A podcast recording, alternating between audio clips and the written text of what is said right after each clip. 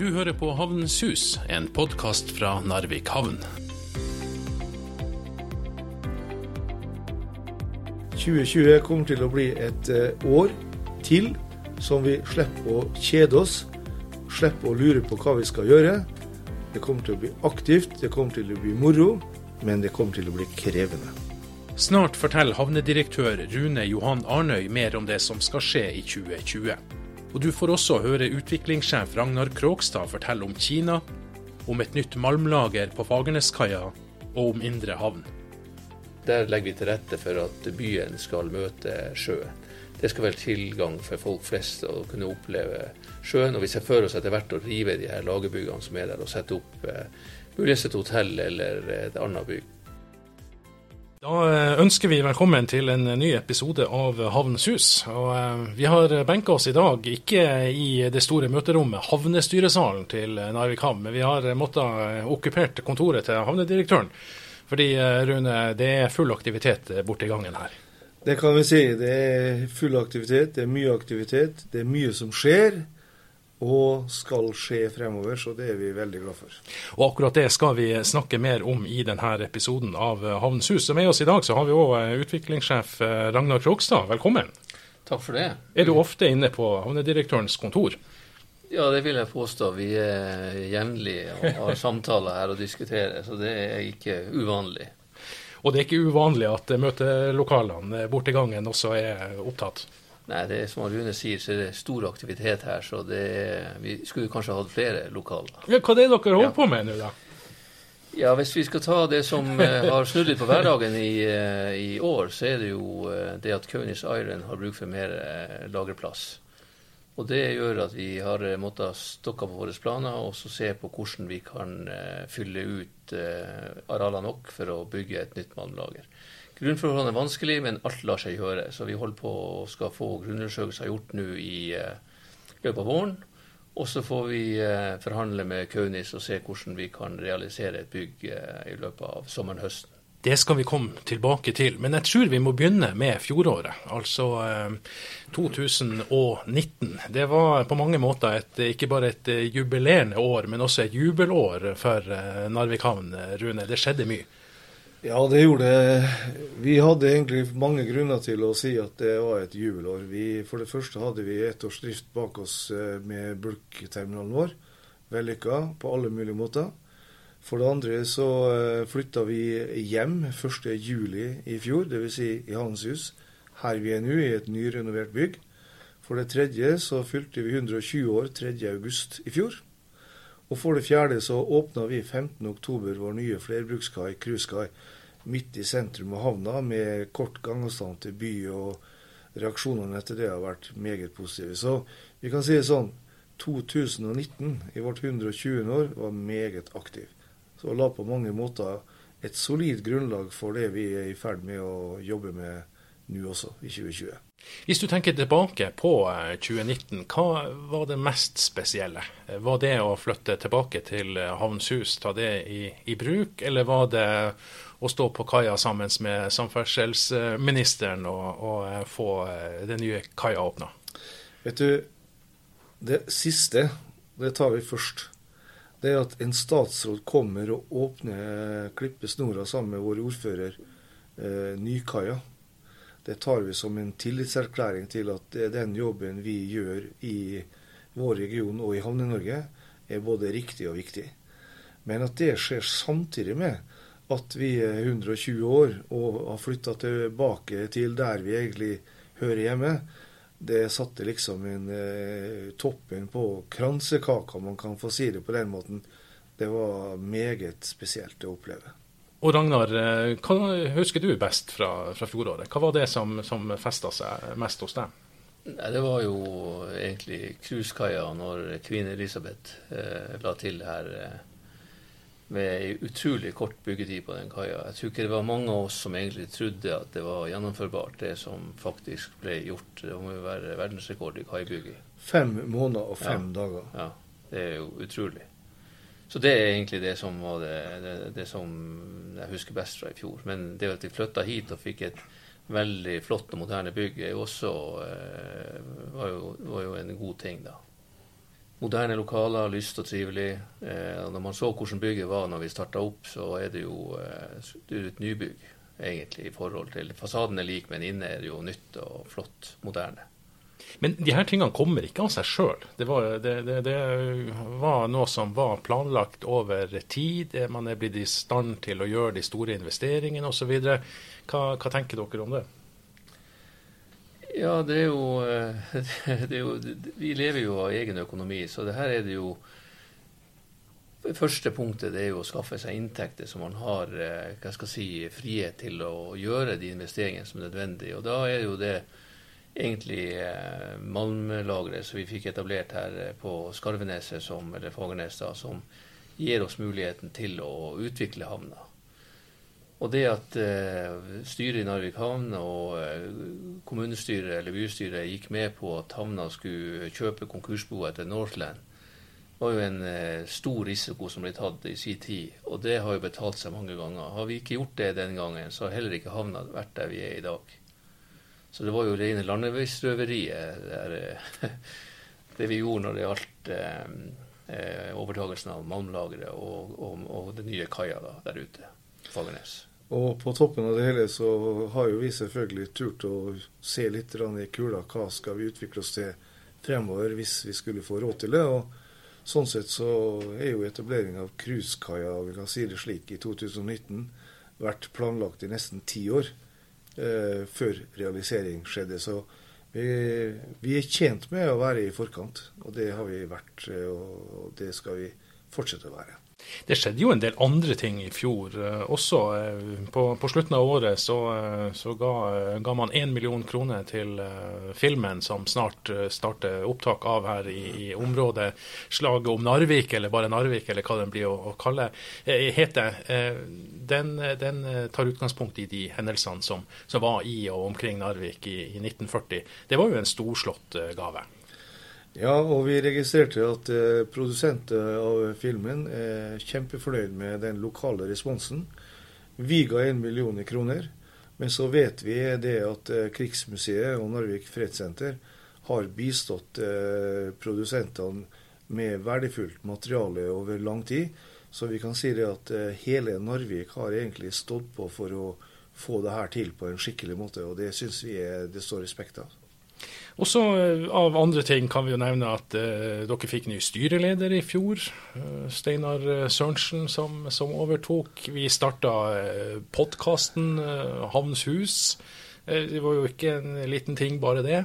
Det har jo skjedd mye annet, og på slutten av året så, så var det også dramatisk i forhold til stengt Beisfjordvei. Man måtte liksom rykke ut med den beredskapen man har, og, og man fikk vist at, at, det er en viktig beredskap å, ha årvåkne havnebetjenter på jobb?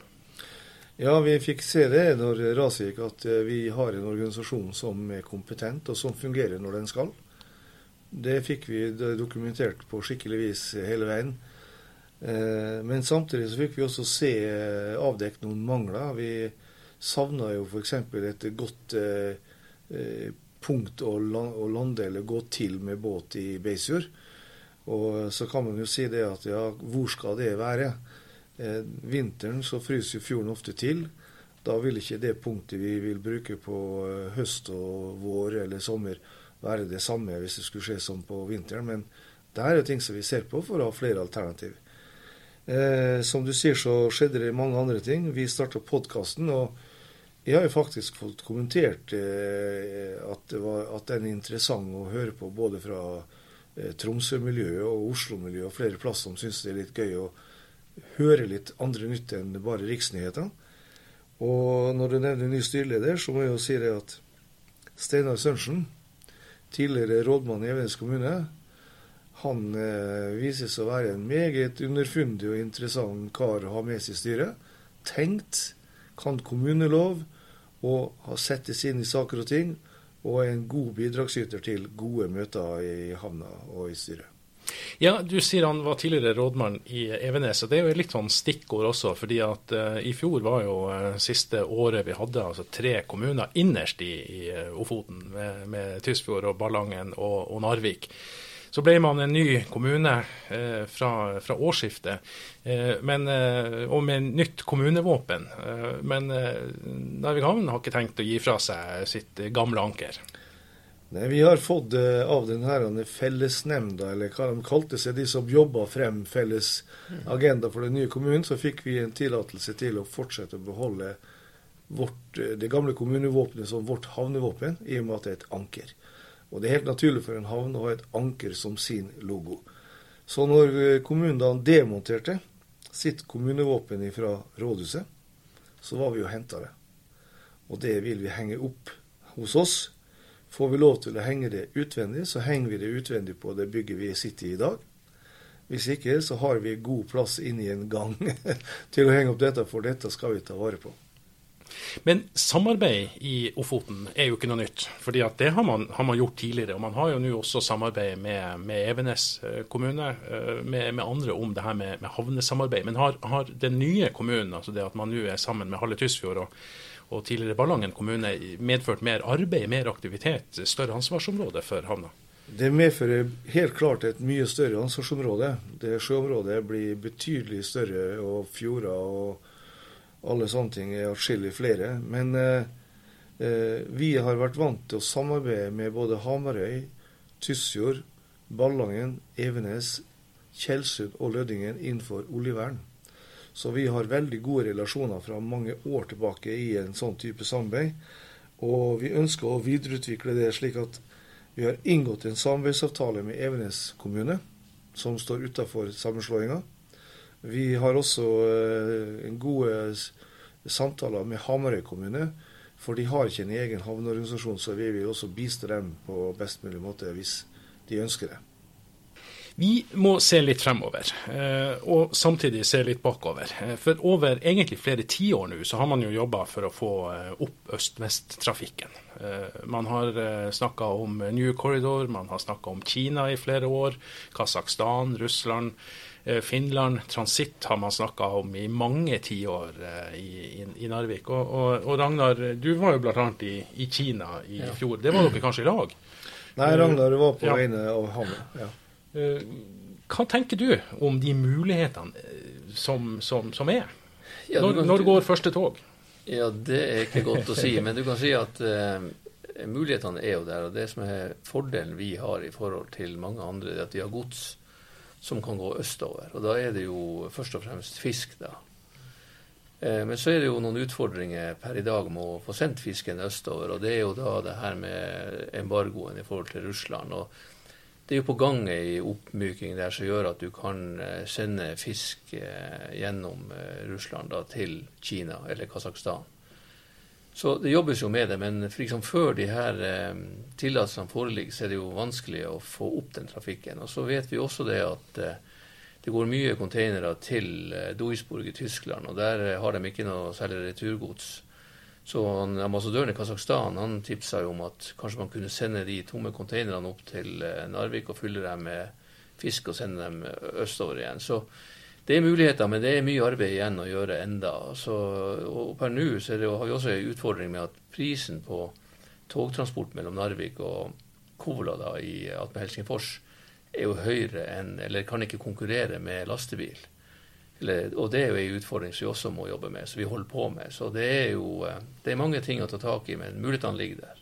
Men, men, man holder fortsatt tak i det at eh, en transport av gods mellom eh, Kina og si, USA og Canada er noe som, som, er aktuelt, og som på et eller annet tidspunkt eh, kommer til å la seg både kommersialisere og, og skal vi si realisere?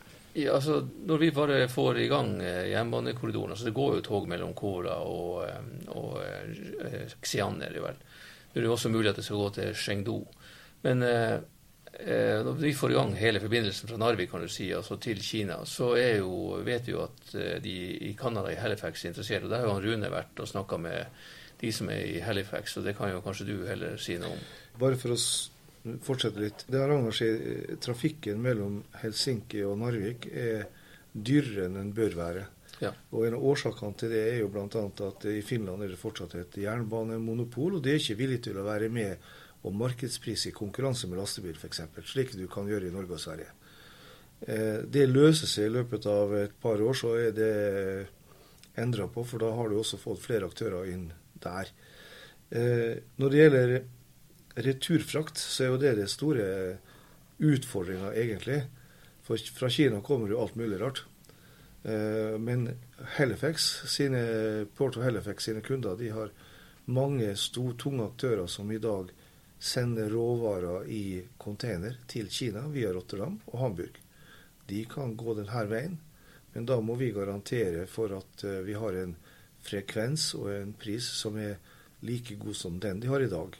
Og det er det vi eh, forsøker å få på plass. Så er vi litt spent på hva skjer i Kina. da. Nå har du jo det her koronaviruset, som antagelig fører til at det er noe problematisk å komme seg ut og inn av Kina også.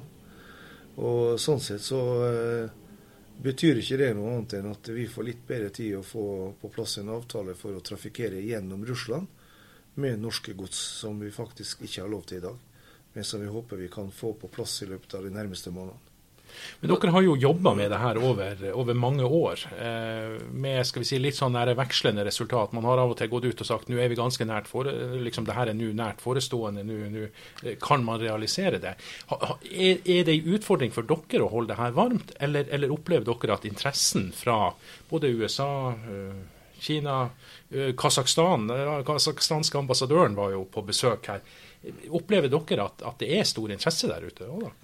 Også? Vi har jo stor interesse fra Chengdu nå. Altså, Narvik kommune har jo eh, etablert et samarbeid med Chengdu. Det, det var jo bl.a. SRBG som bygde denne brua vår. Eh, og jeg var jo i lag med en delegasjon fra kommunen der. Og vi har jo fått gode forbindelser med SRBG og det selskapet som eier dem. Og de var jo på gjenvisitt her eh, for ikke så lenge siden. Så og man ønsker å videreutvikle den der eh, kontakten. Så jeg tror det, har, eh, det, at vi har en god samarbeidspartner i Kina er viktig for å lykkes. Og, og ting tar nå tid. Du skal bli kjent med hverandre, du skal vite av hverandre, du skal stole på hverandre. Det er ikke bare tall og økonomi.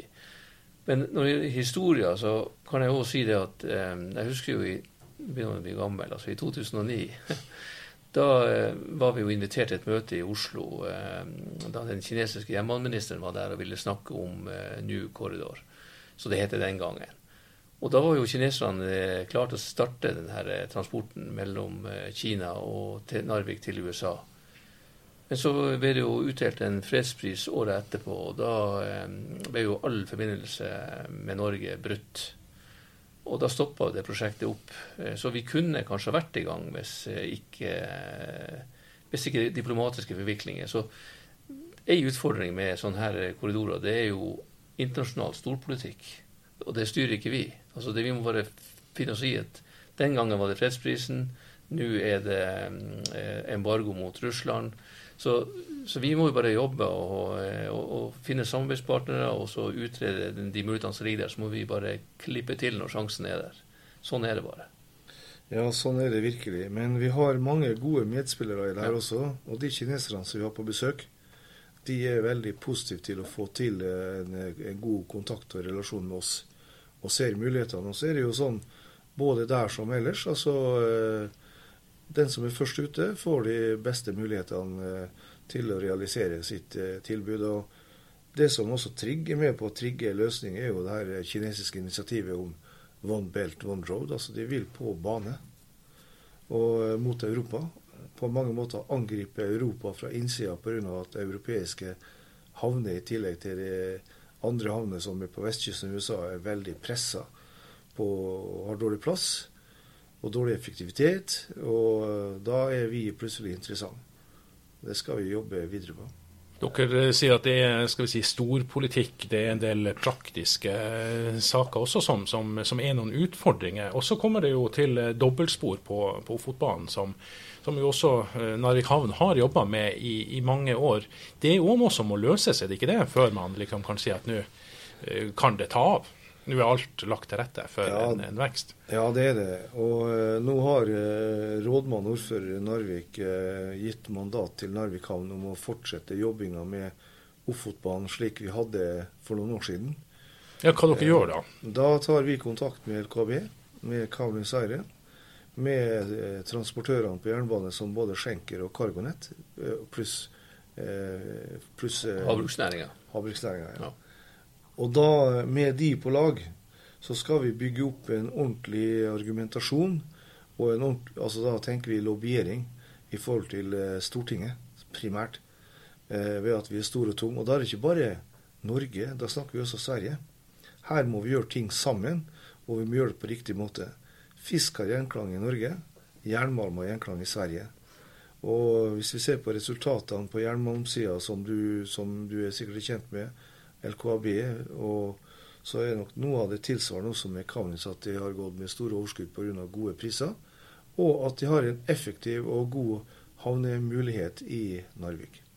Du var jo nettopp på, på Stortinget i ei, ei høring og, og fikk positive tilbakemeldinger fra eh, nasjonale politikere på eh, akkurat det her med, med kravet om dobbeltspor. Det var i grunnen en nokså spesiell høring. Det heter 'Videreføring av Nord-Norgebanen'. Og eh, der var det jo ti-tolv stykker som eh, var innkalt til, eller invitert til høring for å uttale seg. Og vi kan si det at eh, ni av ti var helt klar på at det viktigste for Nord-Norgebanen, det var dobbeltspor på Ofotbanen først. Og det var en opplevelse som vi syns eh, man skal ta tak i og høre på. Og når vi i tillegg da ser at eh, Nordlys forteller at eh, Ofotbanen, dobbeltspor på Ofotbanen er det viktigste kontakten mot Europa, da syns vi at vi er, vi er på rett spor, og det skal, sporet skal vi fortsette å, å eh, jobbe på.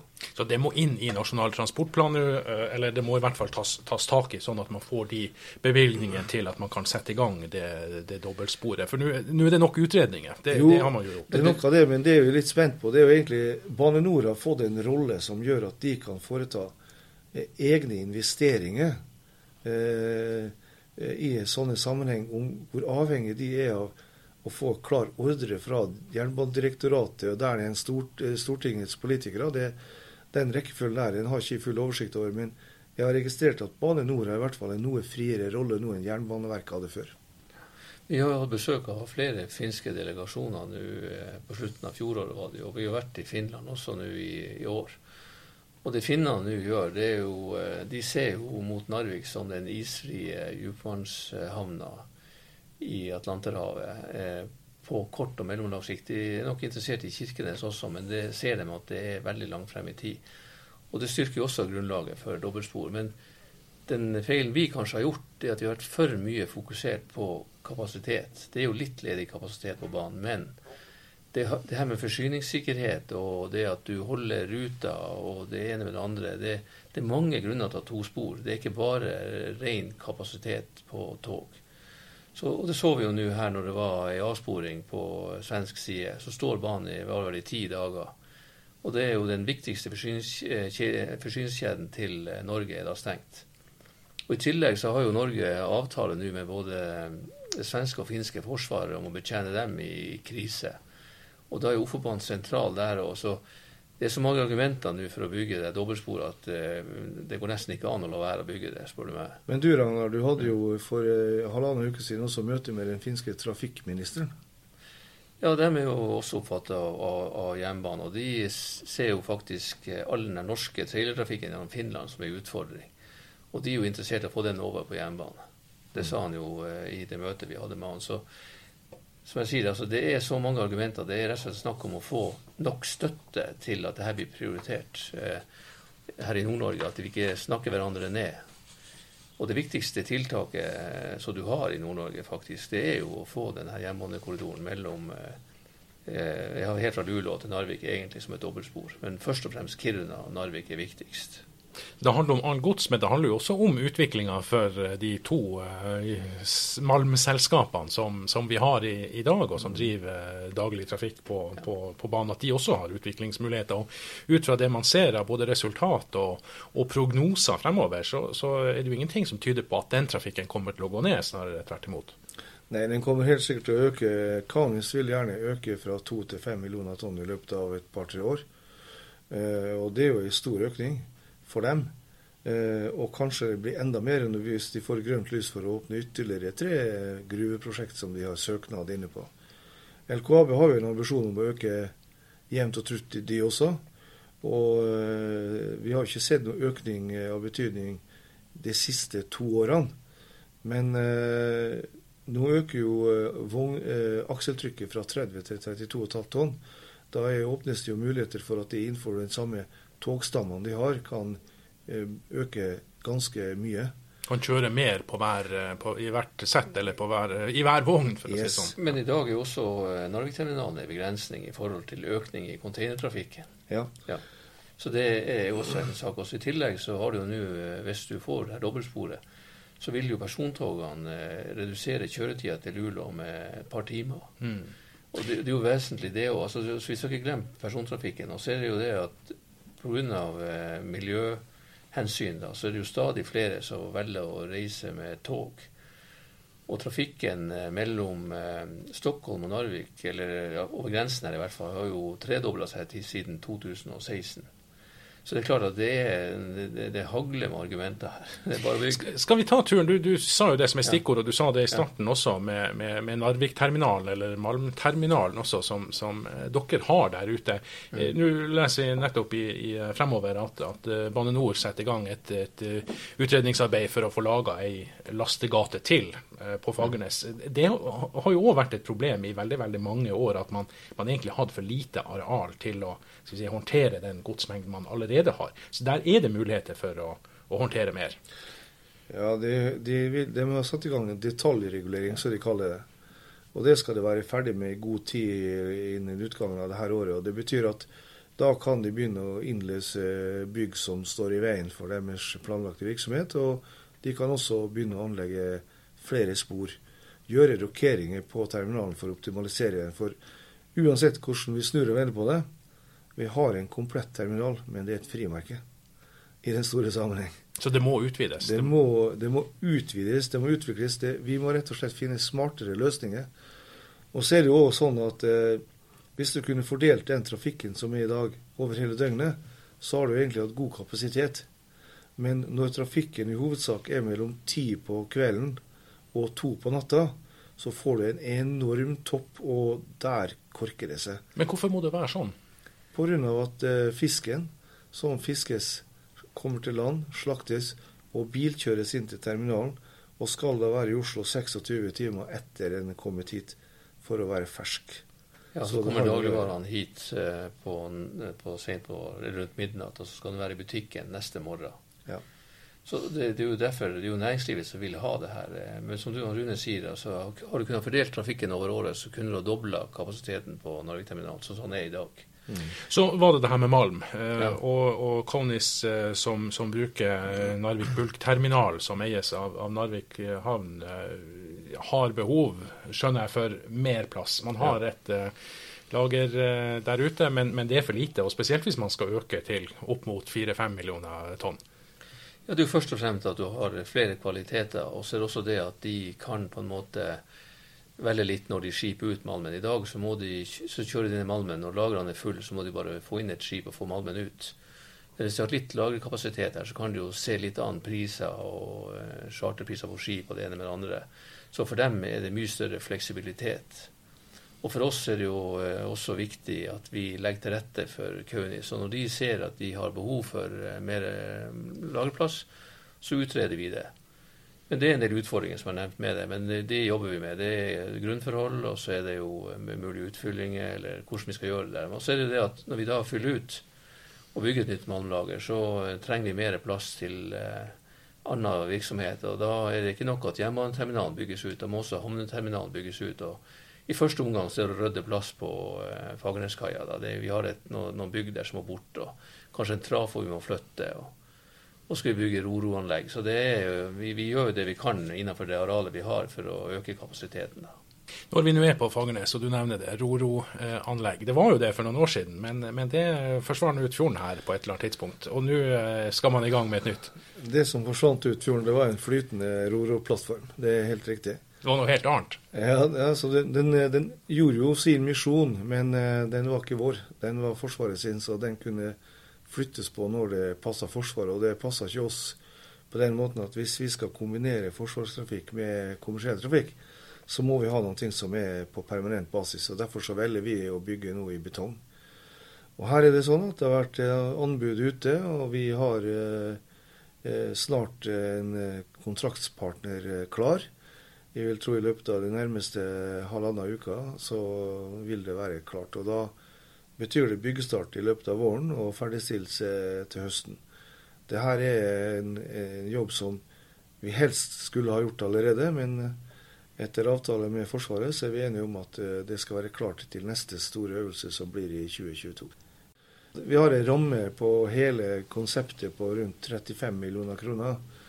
Men eh, i det ligger det jo eh, mye usikkerhet om hvordan det hele konseptet skulle løses. Og vi har gjort det slik at vi har gått ut på en totalentreprise.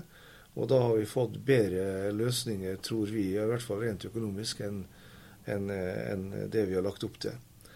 Det betyr jo også det at vi innenfor den ramma har muligheten til å foreta justeringer underveis hvis vi ser eh, det skulle være nødvendig. Men akkurat nå så er vi fornøyd med de tilbudene vi har fått inn, og eh, mener at vi eh, kan få gjort en skikkelig jobb. Og det kan skje nå relativt uh, kjapt, sånn at man, man, utover våren, sommeren, kan, kan uh, vi, se byggeaktivitet? Ja. Jeg regner med at innen utgangen av februar så signer vi kontrakt med en partner som starter på jobben uh, så fort det, man har fått rigga seg til. og Så i løpet av våren så er man i full gang. og og sommer og tidlig høst vil jeg tro at dere står klart. Ja. I motsetning til cruisekaia så er jo ikke fremdrift det som vi har eh, vektlagt her. Her er det Nei. pris som er vektlagt, i og med at vi har relativt god tid på å få ferdig denne eh, kaia. Så ja. Men hvor viktig blir den for det samarbeid... Altså, nå har man jo en samarbeidsavtale med, med FLO, Forsvarets logistikkorganisasjon. Hvor, hvor, viktig blir det at man har sånne fasiliteter for skal vi si, den, den aktiviteten som, som, man håper kanskje blir da i, i, årene fremover her? Vi har jo en avtale som går på fred, krise, konflikt og krig, kan vi si. Det betyr jo det at det, et sånt anlegg og en sånn avtale skal ikke brukes bare i fred og fordragelighet. Det er i krise, mener jeg. Vi må øve i fredstid for å kunne være operativ i en konfliktsituasjon. Og eh, da vil vi ha en uh, rororampe operativ her og i Bogen, som vi også da har ansvaret for i denne øvelsen. Og da vil vi kunne egentlig operere med to rororamper fullt ut og fullt effektiv. Fordelen med Fagernes-området, Fagerneskaia, er jo det at i tillegg til at vi har, eh, da har roro, vil også ha en containerkran så du kan operere både opp på skipet og ifra skipet eh, bakende med roro. Sånn at vi, vi, vil være veldig effektive på veldig kort varsel. Og nå er det ikke lenge før eh, øvelsen som man har snakka om lenge, går i gang. Det, da skulle du gjerne ha rororampe, selvfølgelig, men, men, det blir det ikke nå. Det gjør det ikke, nei. Men uh, den er jo delt i flere områder, denne øvelsen. Og vi har ansvaret for uh, Narvik, uh, Bjerkvik og Bogen. Og i Bogen så blir det brukt rororampe roro-rampe for en del eh, amerikanske kjøretøy som kommer i land og blir håndtert derfra. Og vi syns det er veldig hyggelig å konstatere at eh, det er det lokale Bring i Bjerkvik som har det oppdraget på vegne av Forsvaret, og de har tatt inn Tarasvik Maskin til å foreta transporten. Dermed så blir det lokalt forankra. Og vi har brukt våre lokale speditører, Nordnorsk Spedisjon i Bogen og Pole Position her i Narvik så vi forsøker å styre så mye som vi kan til lokale aktører for å riktig vise at eh, denne typen aktivitet den hører også hjemme i vårt ansvarsområde på den måten. Men det her betyr jo òg at det blir store lokale ringvirkninger. altså En ting er de speditørene og de transportørene og de som er direkte involvert, men, men, det at det er mye skal vi si, soldater her, at det er mye aktivitet, trafikk avler trafikk, og det blir lagt penger igjen i lokalsamfunnet, det er det ikke noe tvil om. Agenda hadde jo fått en stor kontrakt. Nå husker jeg ikke tallene, men den var jo her i lokalavisa og fortalte at de hadde fått en stor kontrakt.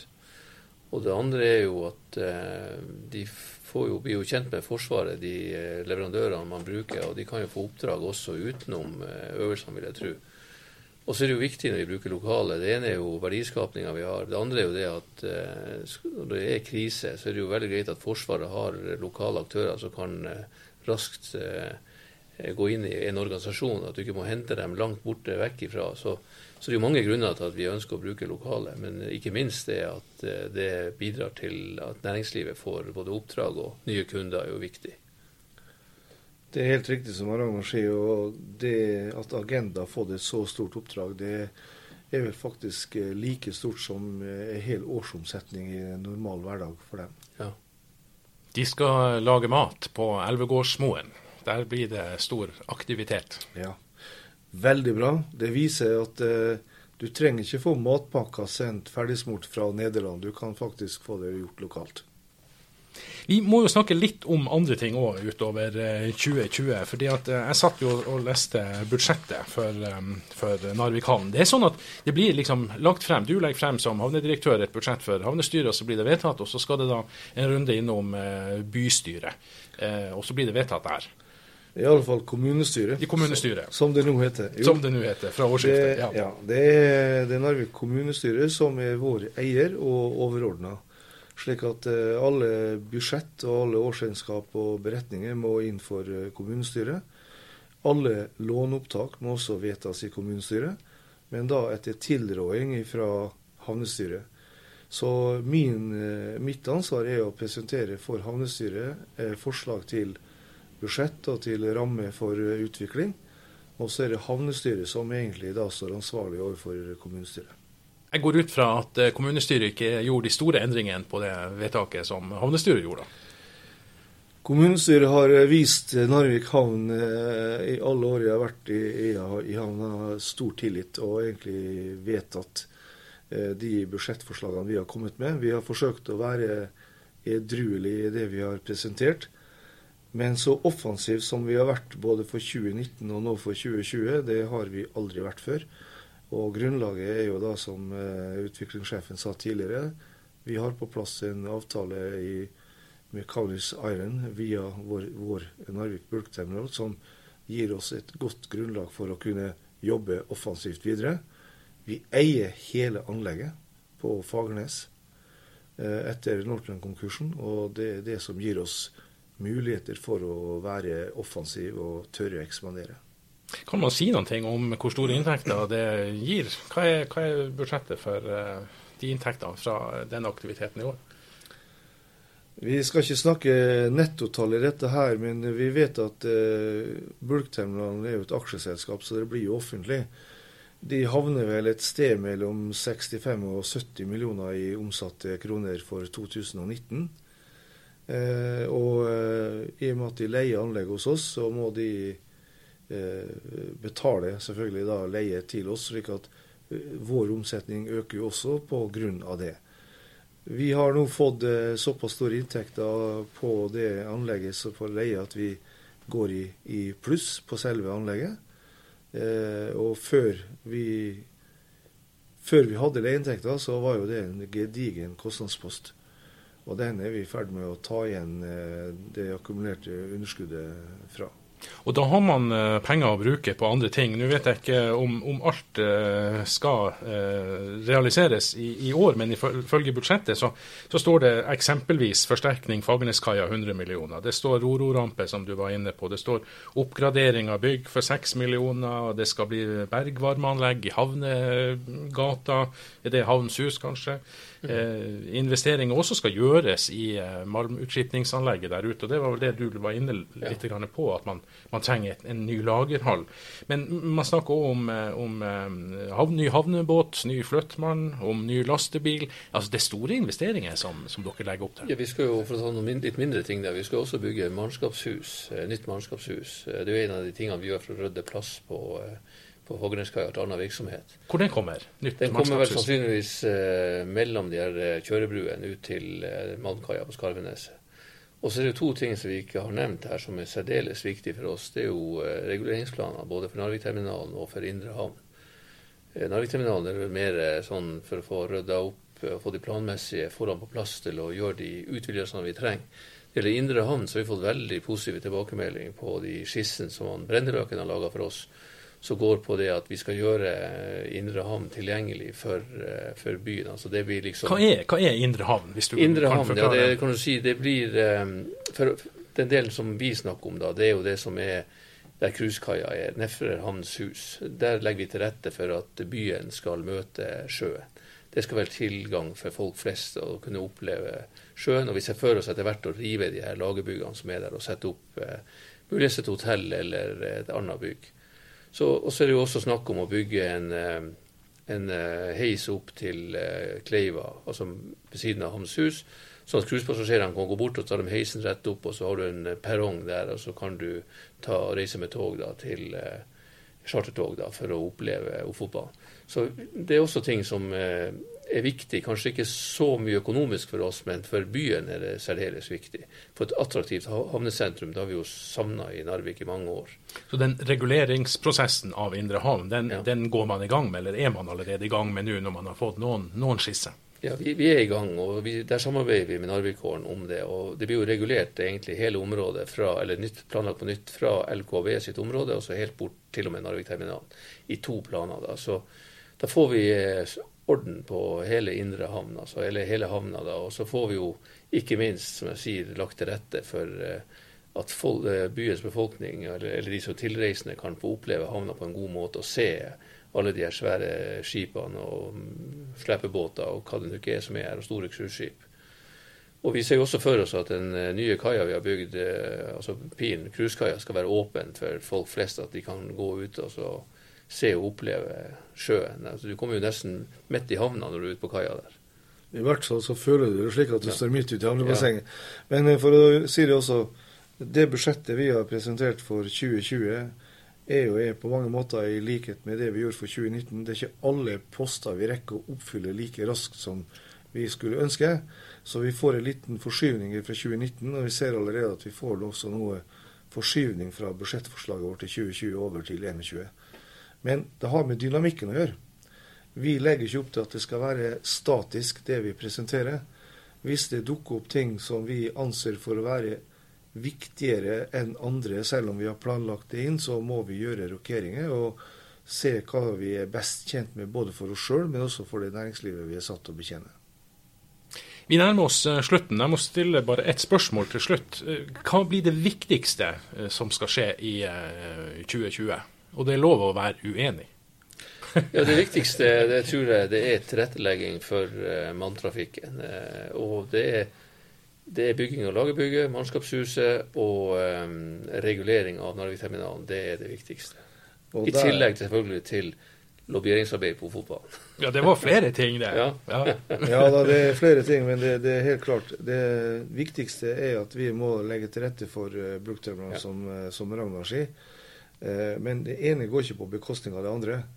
For når det gjelder Ofotbanejobbinga, så skal vi jobbe sammen med andre.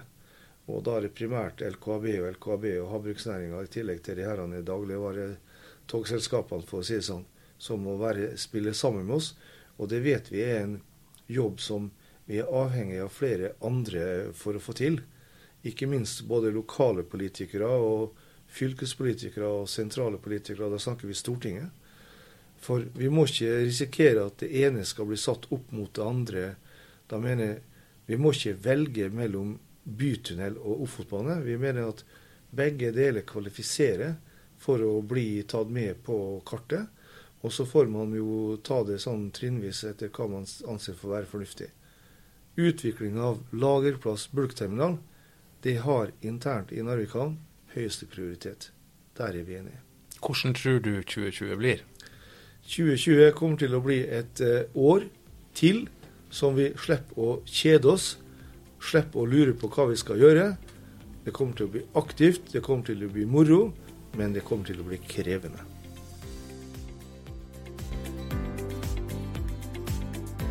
Du har hørt på Havnens hus, en podkast fra Narvik havn, produsert av Mo Media.